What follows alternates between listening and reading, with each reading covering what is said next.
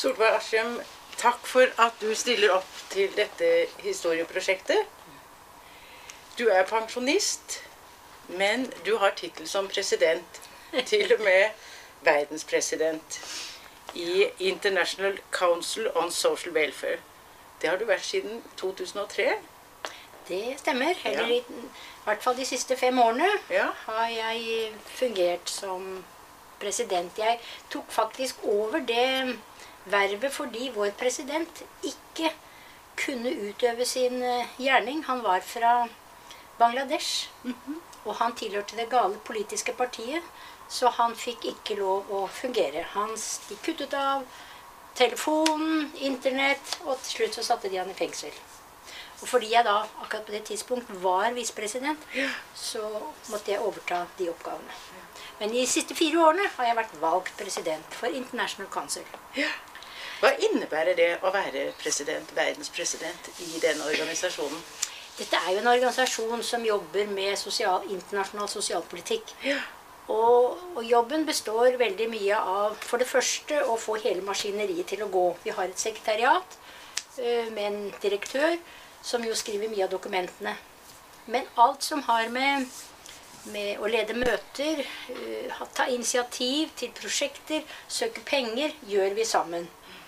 Eh, vi har eh, som oppgave å styrke frivillige organisasjoner, slik at de på sitt, i sitt land, nasjonalt og regionalt, arbeider for å løse sosiale problemer på sitt sted.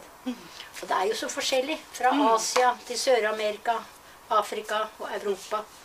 Eh, Så vi har veldig ulike prosjekter, fordi de er på ulike nivåer. Men stort sett så består det av å drive opplæring av folk som er i frivillige organisasjoner, som jo ikke er vant til demokrati. Fattigfolk har aldri hatt sjanse til å være med på det. Har ikke hatt kunnskap til det. Så egentlig er det en, en slags opplæringsjobb, rett og slett.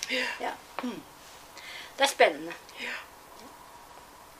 Vi skal gå tilbake i tid. Ja, Du kommer fra Andebu i Vestfold. det stemmer. Jeg vokste opp på gård. Ja. Hva er det som motiverte deg til å bli sosialarbeider? Ja, jeg har jo lurt på det selv også. Men jeg vokste opp på en gård med foreldre som var veldig engasjert i å eh, hjelpe andre som var i trengte situasjoner. Min far var eh, det man kalte gjeldsmeglingsmann den gang på landet. og Det vil si at han, han fastsatte verdier av gårder. Men han var nesten alltid inne i diskusjoner hver gang folk som hadde dårlig råd, var på nippet og måtte selge gårdene sine. Han ble veldig opptatt av å finne løsninger med banker og, og slike ting. Så jeg ble tidlig opplært i hvem det var som hadde trøbbel. Det kunne være fordi de var sjuke, eller fordi de ikke var gløgge nok til å klare ting. Så det var den ene tingen. Og så var mor var formann i helselaget, da. Og den gangen så var det faktisk sånn at de, hun bestyrte en sykepleier som var hjemme hos når folk var veldig syke. Så jeg var vant til dette. Så hver jul så kjørte jeg med hest og, og hadde lang liste fra mor og, og delte ut mat og sånn. Det var også en del av livet på landet. Ja. Så jeg tror nok at jeg hadde sånn, den innstillingen til at man skulle gjøre noe. Men jeg, jeg visste ikke noe annet enn å bare dele ut og, og sånne ting. Jeg hadde ingen kunnskap om hva sosialt arbeid dreide seg om. Så men jeg tror dette er litt av bakgrunnen for at jeg til slutt uh, valgte det. Jeg kan jo kanskje si at da jeg gikk i gymnaset, så hadde jeg lyst til å bli dyrlege. Men uh, så var det en venn av meg som startet på veterinærmedisin. Så sa han at nei, sa han, det, det passer ikke for jenter. Det er altfor tungt for jenter. Ja, Så tenkte jeg ja, ja, da får jeg finne på noe annet. Og jeg husker at jeg tok eh, kontakt med Tønsberg sykehus. Der var Inga Halsen, sosialkurator, som det het den gangen. Og hun eh, ga meg informasjon om, litt om hva studiet innebar. Eh, Så jeg tenkte ja, det var kanskje noe. Men da jeg var ferdig med gymnaset, så tenkte jeg åssen i verden skal jeg komme inn på den skolen, og hva skal jeg gjøre? Jeg var jo bare 18-19 år. Så da dro jeg til Nord-Norge som lærer. Det likte jeg det òg, å være lærer. Så sendte jeg beskjed på sånne brosjyrer man fikk for lærerskolen og for uh, sosial... av hverandre. Og så så jeg Nei, lærerskolen det var som å gå folkeskolen om igjen. Det var akkurat de samme faga, bare litt annet. Så det hadde jeg ikke lyst til. Men da jeg så eh, hva de studerte på sosialskolen, da ble jeg veldig engasjert. De hadde sosialøkonomi, sosiologi, rettslære. Sånne fa og kommunalkunnskap syns jeg var veldig spennende. Når jeg så det, så bestemte jeg det vil jeg studere. Der vil jeg, På den skolen vil jeg gå. Så det var en sånn blanding av mange ting, tror jeg. Jeg var jo Og da bestemte jeg meg til å ta praksis, da. Ja. Ja. Før du begynte. På sosialskolen, ja. Ja. ja. Mm. Så jeg var på, i praksis på Lier sykehus et år. Og så var jeg Da var jeg måtte være 21 år for å komme inn på sosialskolen den gangen. Så jeg var litt for ung, så jeg måtte da ha mer praksis. Og da var jeg på hjemmet for døve i Andebu. Og der likte jeg meg så godt at jeg glemte å søke. Men jeg begynte altså på sosialskolen i, en, i januar. 15. januar i 1961. Ja. Så da var jeg jo relativt voksen. Ja. Sånn var det. Hvilken betydning vil du si at utdanningen hadde for det? Først og fremst og har jeg lyst til å understreke at for meg, som da hadde vært i et miljø hvor man snakket veldig mye om enkeltmennesker og om sykdom, om problemer eh, og sånn, så var det for meg en stor opplevelse å komme i et læringsmiljø hvor jeg fikk eh, samfunnsmessige begrep til å begripe samfunnet med.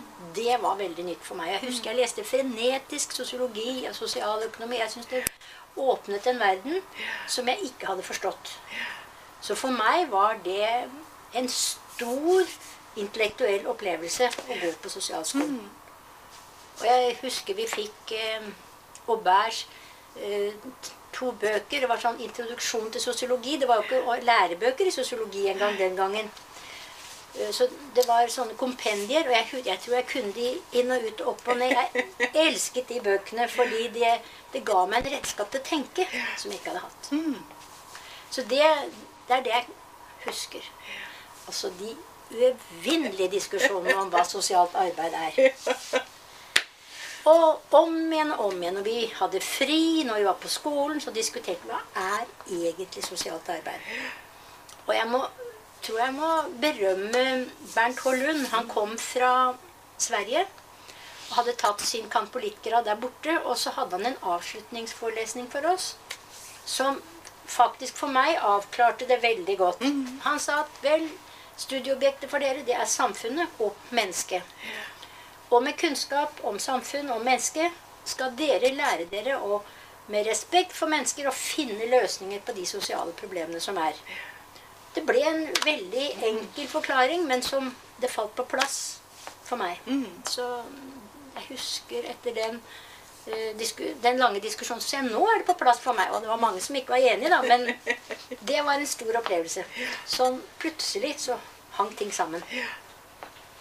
Du gikk, du gikk jo der på den tiden hvor han skrev denne berømmelige utredningen om utdanning av sosialarbeidere i Norge, og som la grunnlaget for stortingsmelding om hvordan sosionomutdanningen skulle bli.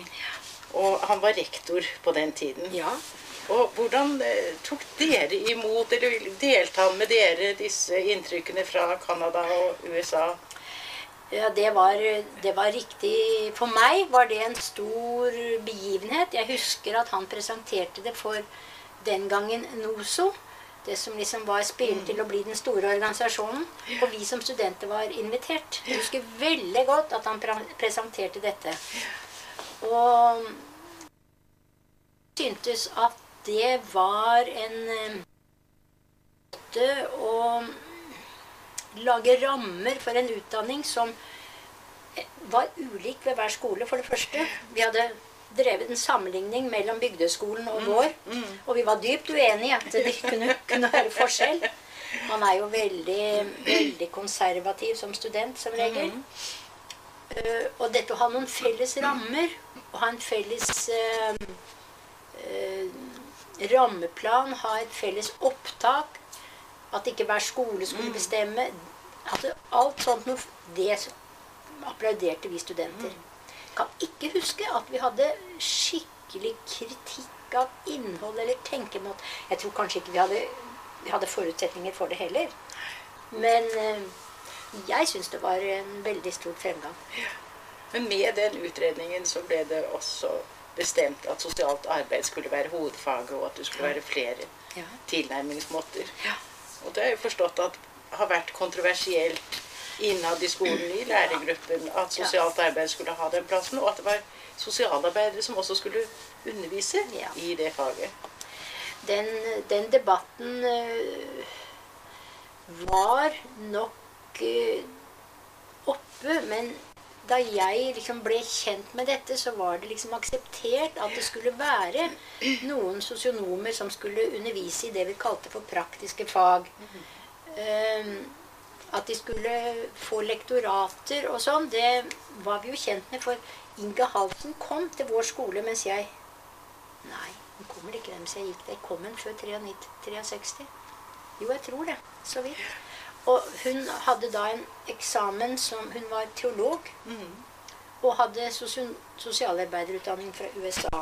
Og dette hun, Hennes måte å snakke på og være på ga, hadde respekt i det miljøet. Jeg kan aldri huske at det på Norges kommunale sosialhøgskole var noen egentlig diskusjon om at de ikke skulle være sosialarbeidere der. Men det var jo mer diskusjon om øh, om det, ikke- det var individuelt sosialt arbeid skulle være det bærende. Eh, Jeg som underviste i gruppearbeid, det var liksom litt på siden. Og dette med plan og, og samfunnsarbeid Samfunnsarbeid var egentlig veldig svakt representert den gangen. Men management eller eh, organisasjon og ledelse og, og sånt, det, det var liksom guttas greie, de som da var samfunnsvitere. Og det tok lang tid før man fikk noen som var sosialarbeider, som underviste i det faget. Så det var en sånn hybrid som var akseptert. Men eh, jeg husker jo debattene videre om dette, fordi jeg kom inn som lærer på barnevernlinjen i 69. Da var jeg jo bare utdannet sosionom, men jeg jobbet jo på en institusjon og hadde mye med både barn og institusjonslære å gjøre, så jeg underviste i det.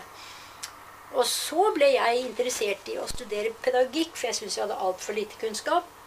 Og begynte med det, og jeg husker det var altså, Det var et svik mot sosialt arbeid. Det var altså så forferdelig at jeg begynte med det. Men i 69 var det jo ikke noe institutt for sosialt arbeid. Men de som var utdannet i sosialt arbeid fra USA, de syntes at jeg var en forræder. Og det var jeg, føl- jeg ble ikke invitert til mange møter fordi jeg hadde feil, feil kunnskap. Ja. Allerede da begynte dette å komme, at man skulle være blant de såkalte rene. Man måtte ha den psykodynamiske ideologien inne, osv. Ja. Så læringsteori, det var jo helt forferdelig. sånn var det. Ja. Og så etter, etter skolen, da? Ja, etter skolen da jeg ble, fikk ansettelse på hjemmet for døve på Nordstrand som sosialsekretær, husker jeg. Eh, Og begynte der umiddelbart etter at jeg var ferdig på skolen. Fordi jeg jo hadde arbeidet ved samme institusjon, men på barneavdelingen i Andebu. Så fikk jeg stilling og var ansatt et halvt år før jeg begynte. Det er også en del av hele dette. Jeg tror nesten alle som var på skolen hos oss, de hadde stilling når de var ferdig på skolen. Før de var ferdig på skolen. Hadde ansettelsespapirer. For det hadde jo like før hadde det vært et stort problem, fordi dette var en ny utdanning. Ehm, Jeg hadde jo et spennende arbeid. Drev med habilitering og rehabilitering av døve unge. Jeg hadde tilsyn med spesialskolen i Andebu, som var for døve og døvblinde. Og hadde som den eneste sosionomen for eh, døve i landet til, eh, som oppgave å reise rundt i landet når vi fikk meldt at vi hadde at det var døve som trang hjelp på et eller annet vis. Sosialkontorene hadde fått en sånn melding fra døveprestene. Så jeg var ofte rundt omkring og besøkte døve. De kunne være døve og døvblinde som satt kanskje aleine på landet rundt omkring. Så jeg traff mange tragiske og spesielle skjebner i den sammenheng. Ja, en tragisk skjebne som har vært omtalt i de senere, senere årene, er jo Fritz Moen. Ja, det stemmer. Og jeg kom over en, en anmeldelse av boka til Tore Sandberg. Ja. Fra 2007 så anmeldte de den boka, og overskriften er eh, 'Rystende, kvalmende'. Tore Sandberg skriver nøkternt og avmålt om Moens sørgelige og ensomme oppvekst. Men så vil jeg ta med et sitat fra, fra, videre fra anmeldelsen. Sitat. Men det fantes også personer som tok seg av ham. En av dem, Solveig Askim, er en av bokas heltinner. Det er flere av dem, sterke kvinner, noen menn, som prøvde å gi den ensomme Moen varme og omtenksomhet. Jeg skal ikke be deg kommentere Fritz Moen. Var det å vokse opp som død på den tiden, og hva var det du bidro med? Altså, Å vokse opp som død på den tiden betydde jo at man Hvis man ikke traff andre døve, at man ikke fikk en normal språkutvikling som man har i dag hvis man går i barnehage og lærer tegnspråk. Eh, Da får man en helt alminnelig språkutvikling som du og jeg har. Altså Begrepsapparatet dannes like godt ved hjelp av tegn som eh, hadde talte språk. Og, og Fritz han vokste opp vekselvis på barnehjem og, og rundt omkring. Og han, han traff ingen som brydde seg om at han var døv. Og de snakket til han som om han hørte, og han fikk ingen språkutvikling før han kom på døveskolen som åtteåring. Den gangen begynte man ikke før man var åtte. Og da kan jo de aller fleste mennesker i vårt land snakke. Eh, Da jeg begynte å jobbe på Hjemmet for døve, så ble jeg veldig fascinert av den barneskolen. Fordi de gjorde noe som den gangen var en protest mot offentlig politikk. Den gangen var det slik at døve skulle læres opp ved hjelp av oralmetoden. Dvs. Si at man ved å holde på stemmebåndet skulle lære å tale og lese av på munnen. Og det gikk jo hånd i hanke med, hanske med sånn som voksne Altså Foreldrene deres ønsket jo at de skulle bli så lik oss som mulig. Og dette med tegn var jo ikke pent å se på. Så Hjemmet for døve i Andebu var en protestskole i den forstand at parolen var at vi skulle bruke tegn hver dag fra barnet sto opp og til det la seg. Både på internatet og på, på skolen. For å sørge for best mulig språkutvikling. Og ble veldig fascinert av hva det betydde. Og det var helt utrolig for en eksplosiv utvikling det var hos de som plutselig fikk tilgang til språk. Ehm, og det var vel kanskje det vi på Hjemmet for døve i Andebu vi sto for som idé og fightet for. Og til slutt så kom det til et vedtak at man skulle få lov å bruke tegn i disse spesialskolene. Og som en avslutning på dette så har jeg også vært med på å, å etablere tolkeutdanning for døve og døvblinde. Ja. Og, så akkurat det syns jeg har vært en spennende, spennende ting å være med på gjennom mange år. Ja. Ja.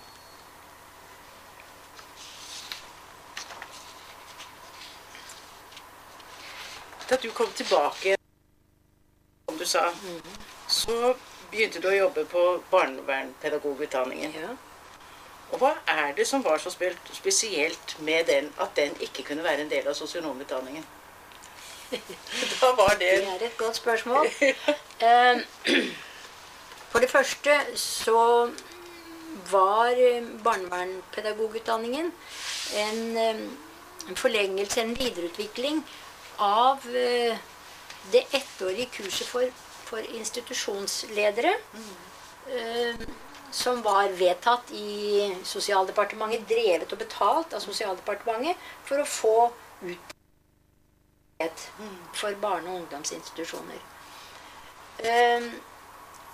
At barnevernspedagogutdanningen, som på det tidspunktet var toårig, skulle være så forferdelig annerledes enn ehm, sosionomutdanningen i Norge, det har jo på mange måter undret meg.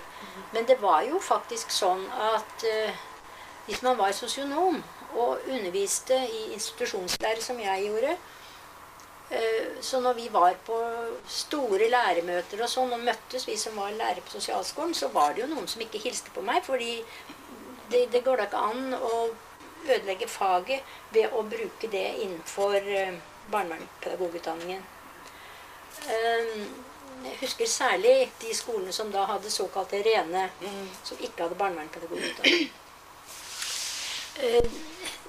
Dette at de også hadde en pedagogisk tilsnitt som ikke var bygget på den psykodynamiske uh, tenkningen, den tror jeg også hadde noe med saken å gjøre.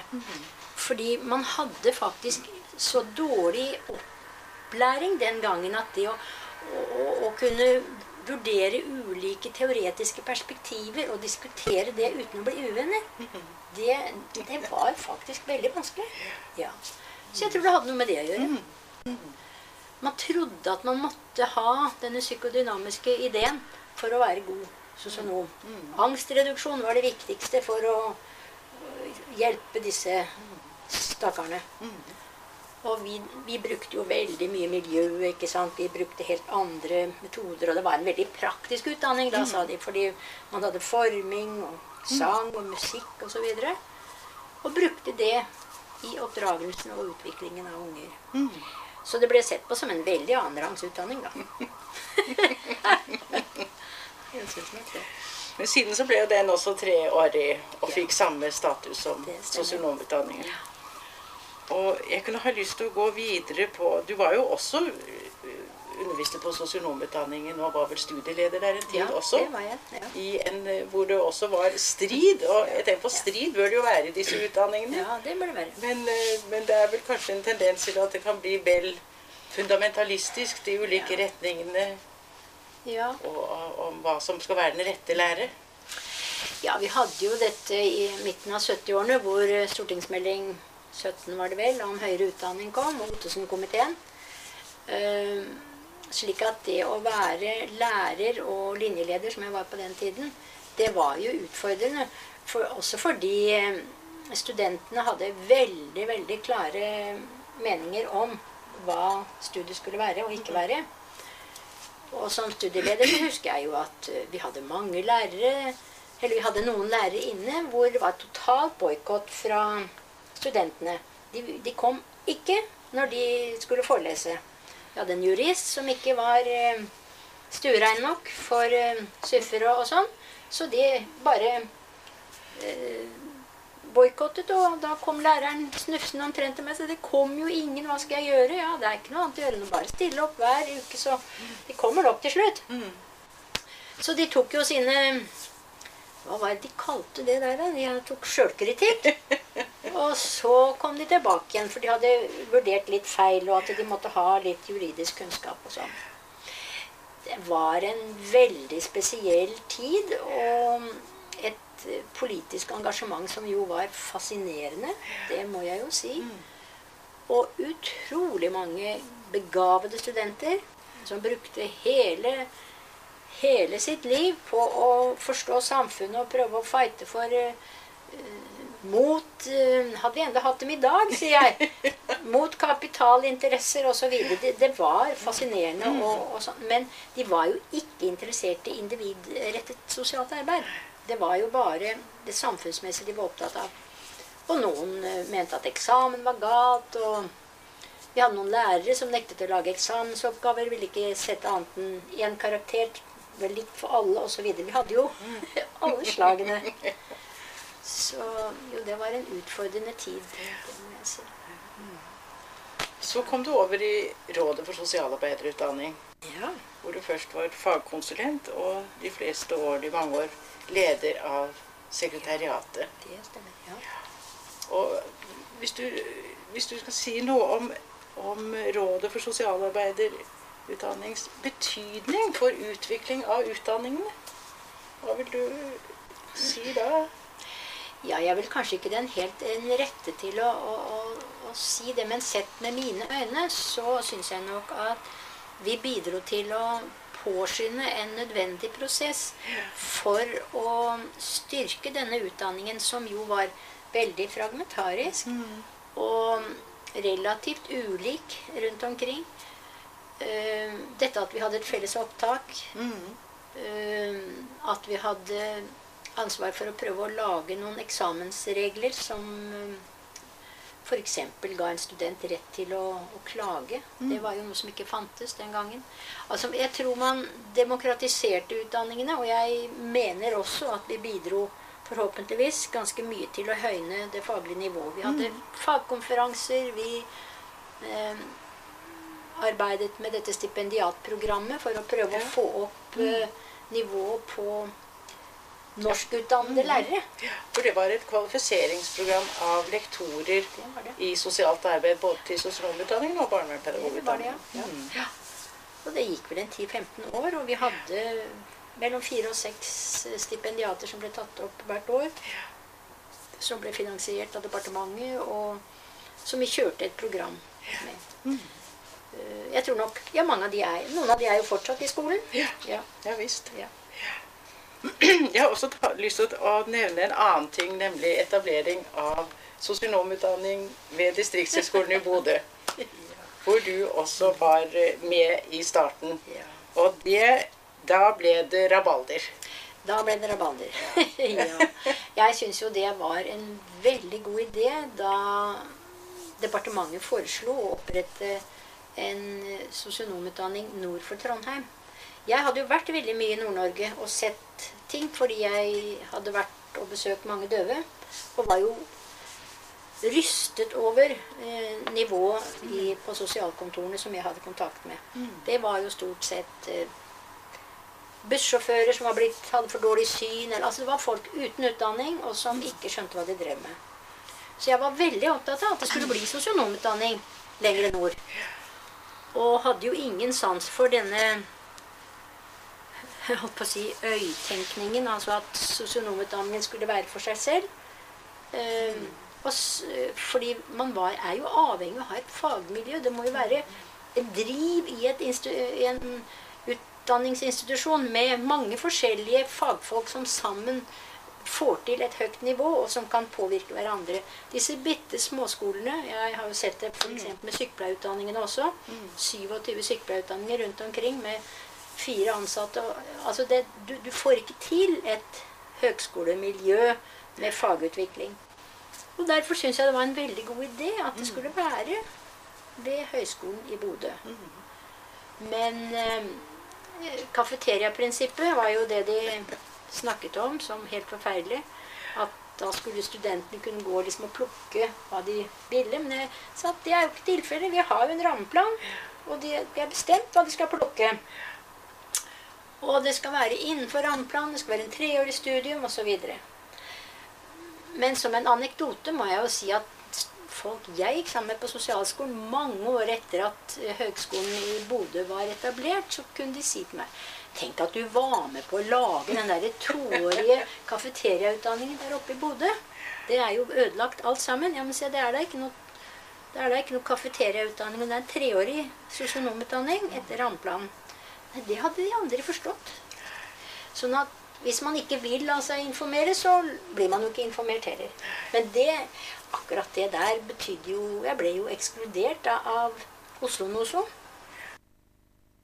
At refs av noe som sto en stor refs på en side i sosionomen på våren i 76.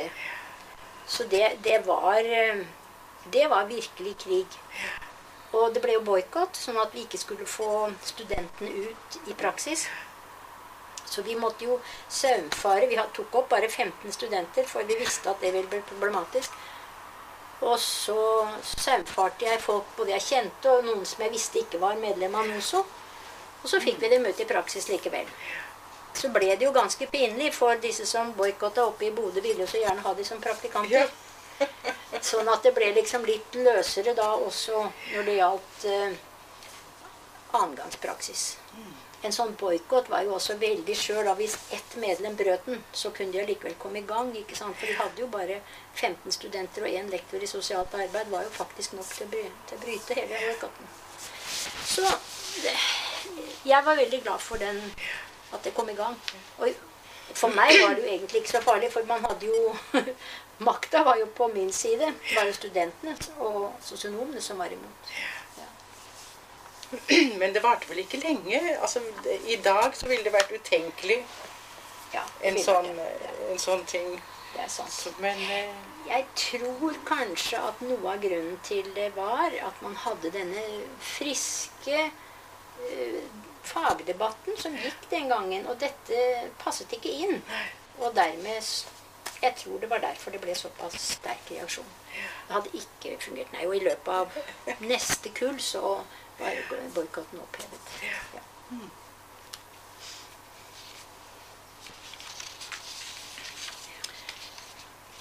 av personer som har arbeidet nært deg, så beskrives du som en modig person, en fighter, som våger å gå imot og på tvers, gå nye veier. Og det har du illustrert med noe av det du har snakket om. Men eh, hva har vært drivkraften i det? Jeg, det, det må jeg si akkurat. Det er ikke så godt å si, men jeg har vel som person alltid vært tvisynt. Jeg er en person som ikke er så lett å engasjere for at det er én ting som er riktig. Jeg har nesten alltid en slags eh, tanke om at når noen, noen er veldig enige om noen ting, så tenker jeg hva Tenk om dette ikke er riktig. Det må jo være noe annet også som kan uh, stille spørsmål ved. Jeg har alltid vært sånn i, av legning. Uh, på den annen side så tror jeg nok det er helt enkelt engasjement for, for folk som har vært i trengte posisjoner og sånn, at de burde få mer bistand. For særlig når det gjaldt dette med utdanningsinstitusjonene, så mente jeg jo at mange var opptatt av seg selv som yrkesgruppe og som utdanning, mens de glemte egentlig de som skulle bruke våre tjenester. Og det ergret meg veldig. Så det var nok også litt en sånn drivkraft. Sånn sosialpolitisk var jeg veldig engasjert i å få til løsninger. Og da måtte man ha en god utdanning. Og man måtte ha utdanning på de stedene hvor problemene var størst. Jeg tror det var noe sånt. Etter Rådet for sosialarbeiderutdanning så var du med på at helsefagrådene og Rådet for sosialarbeiderutdanning ble slått sammen til et nytt råd for, for Rådet for høyskoleutdanning i helse- og sosialfag. Og senere ble dette Norgesnettrådet Ja, og NOKUT. Og hvis du nå ser liksom tilbake på den tiden du har jobbet med sosialarbeiderutdanning, hva vil du si da? Jeg må jo si at da jeg jobbet i Rådet for høyskoleutdanning helse- og sosialfag, ble jeg veldig stolt av å komme fra sosialarbeiderutdanningene. Vi hadde et langt høyere nivå. Vi var langt mer åpne for å debattere og vise fram hva vi sto for. Og hadde evne til å beskrive hva sosialt arbeid var. Hvis du kom til en ergoterapeut eller en sykepleier og spurte hva var spesielt ved sykepleie, sånn, så ble det veldig vanskelig. Eh, De hadde også sånne veldig brede, sammensatte utdanninger som vi hadde. Men fordi vi hadde mange eh, det vi kalte for grunnfagslærere, med god utdanning, eh, evne til analytisk tenkning, skrev, analyserte, diskuterte, så tror jeg våre utdanninger de, de kom langt frem. De begynte også ganske tidlig å skrive og lage små forskningsprosjekter. Mens det var faktisk veldig ukjent i helsefagutdanningene. Mm. Sånn at eh, de første årene i RHHS så drev vi egentlig mest med utdanning av helsefaglærere. For å få de opp. Vi fikk noen millioner i året for å prøve å få de opp, i hvert fall på et lektornivå. Og så, og så var det jo en annen ting som var viktig for oss. Det var å vise at vi arbeidet med de samme sosiale problemene. Og at uh, menneskene der ute egentlig ikke var så veldig interessert i hva vi lokalt mente var viktig for en sosionom, ergoterapeut eller fysioterapeut osv. Hvis jeg kan få lov å bruke et eksempel, så må jeg jo si at den debatten som eh, utspant seg i forbindelse med at vi foreslo å lage en felles videreutdanning for helse- og sosialarbeidere i psykiatri. Det ble et lurveleven som eh, man nesten ikke kan tenke seg. Altså Det var som å tråkke på uh, likterne til uh, folk som virkelig hadde problemer, det var sykepleierne hadde nemlig en utdanning kalt for psykiatrisk sykepleie. Og den mente de var helt unik, og ja, det var egen doktorgrad hadde en tatt, osv. Men når vi prøvde å diskutere ja, men hvorfor om en, om en er sykepleier i bunn, om en er fysioterapeut eller sosionom eller barnevernpleier Hvorfor må man da er det, altså det man skal lære her, er å snakke med mennesker som har psykiske mm. problemer, og det blir jo det, litt det samme. Mm. Men det var ikke mulig å få til. Det var ikke tale om. Og jeg, jeg fikk så mye brev og så mye krangel om dette, og de syntes det var hårreisende at man i det hele tatt kunne foreslå noe sånt. Og vi hadde det frem og tilbake, jeg tre ganger til rådsbehandling, før det til slutt gikk igjennom en meget rar modell hvor man hadde et halvt år sammen, og så måtte man ha noen fordypningsenheter som het psykiatrisk sykepleie og psykiatrisk fysioterapi. Og så hadde man noe felles som het sosialpsykiatri, altså felles enhet for alle. Ehm, dette er jo sånn profesjonstenkning som er fundamentalistisk og uhensiktsmessig sett fra klientsiden, etter mine begrep. Så jeg, I sånne fighter så syns jeg ikke det var noe vanskelig å stå for det. For jeg kunne ikke begripe at ikke dette var hensiktsmessig. Så akkurat den fighten syns jeg var interessant. Men du spurte egentlig om utviklingen fra RSU, RHHS ja, for så vidt før det. Det er jo et langt ja, det, er nesten 50 år du har ja, vært med i dette jeg syns jo at når man nå sitter igjen med en, eh, en body, en eh, organisasjon som tar vare på kvaliteten, så syns jeg for så vidt at det er veldig hensiktsmessig at det er ett råd som mm. kikker den mm. ene og den andre mm. i kortene.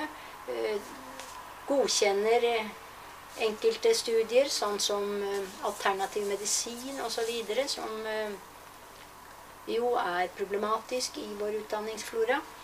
Jeg syns det er veldig bra, og jeg syns at med det høye utdanningsnivået vi har i vårt land i dag, så er det absolutt tilstrekkelig. Mm. Uh, men jeg tror fortsatt vi har behov for å kikke både universiteter og høyskoler i, litt i, i kortene. Mm. Og at de bør få råd om å skjerpe seg i en del sammenhenger finne nye veier, kanskje tenke litt annerledes. Eh, akkurat det har jeg sans for når det gjelder NOKUTs rolle i dag. Mm. Dette med akademisering, da. Noen har slått i orde for at opptattheten av feltet mm. kanskje er blitt mindre til fordel for karrierer i det akademiske systemet, både for studenter og ansatte. Har du noen synspunkter på det? Jeg har jo synspunkter på det, og jeg må si at der er jeg like tvisynt som i mange andre sammenhenger. Jeg syns det er nødt til å være et både-og, og jeg har vel alltid eh, ment at man burde kunne eh, arbeide mye mer for at vi får frem doktorgrader mer innenfor uh, arbeidsmetoder uh, Ting som har med det praktiske arbeidet å gjøre. Vi har sånne småstudier, men det, det, blir alltid sånn at det er lettere å lage et design mm. på et forskningsprosjekt som er et teoretisk fundert. Mm. Uh, så jeg må vel si at uh, akademiseringen bekymrer meg. Mm. Og ikke minst fordi akademia alltid har høyere rang overalt i verden. Overalt i institusjoner. Det er veldig vanskelig å, å få frem den praktiske kunnskapen, som jo er den, også den nødvendige. Uh, og jeg må si at hadde jeg vært i disse rådene i dag, så ville jeg nok puttet mange penger inn i å få frem store forskningsprosjekt over lengre tid som evaluerte, beskrev og evaluerte effekten av det vi gjorde. På og at det var disse folkene som skulle undervise i sosialt arbeid. Eh, det må jeg si. Det hadde jeg ønsket at vi kunne få til. Mm. Ti millioner i ti år, f.eks. til det.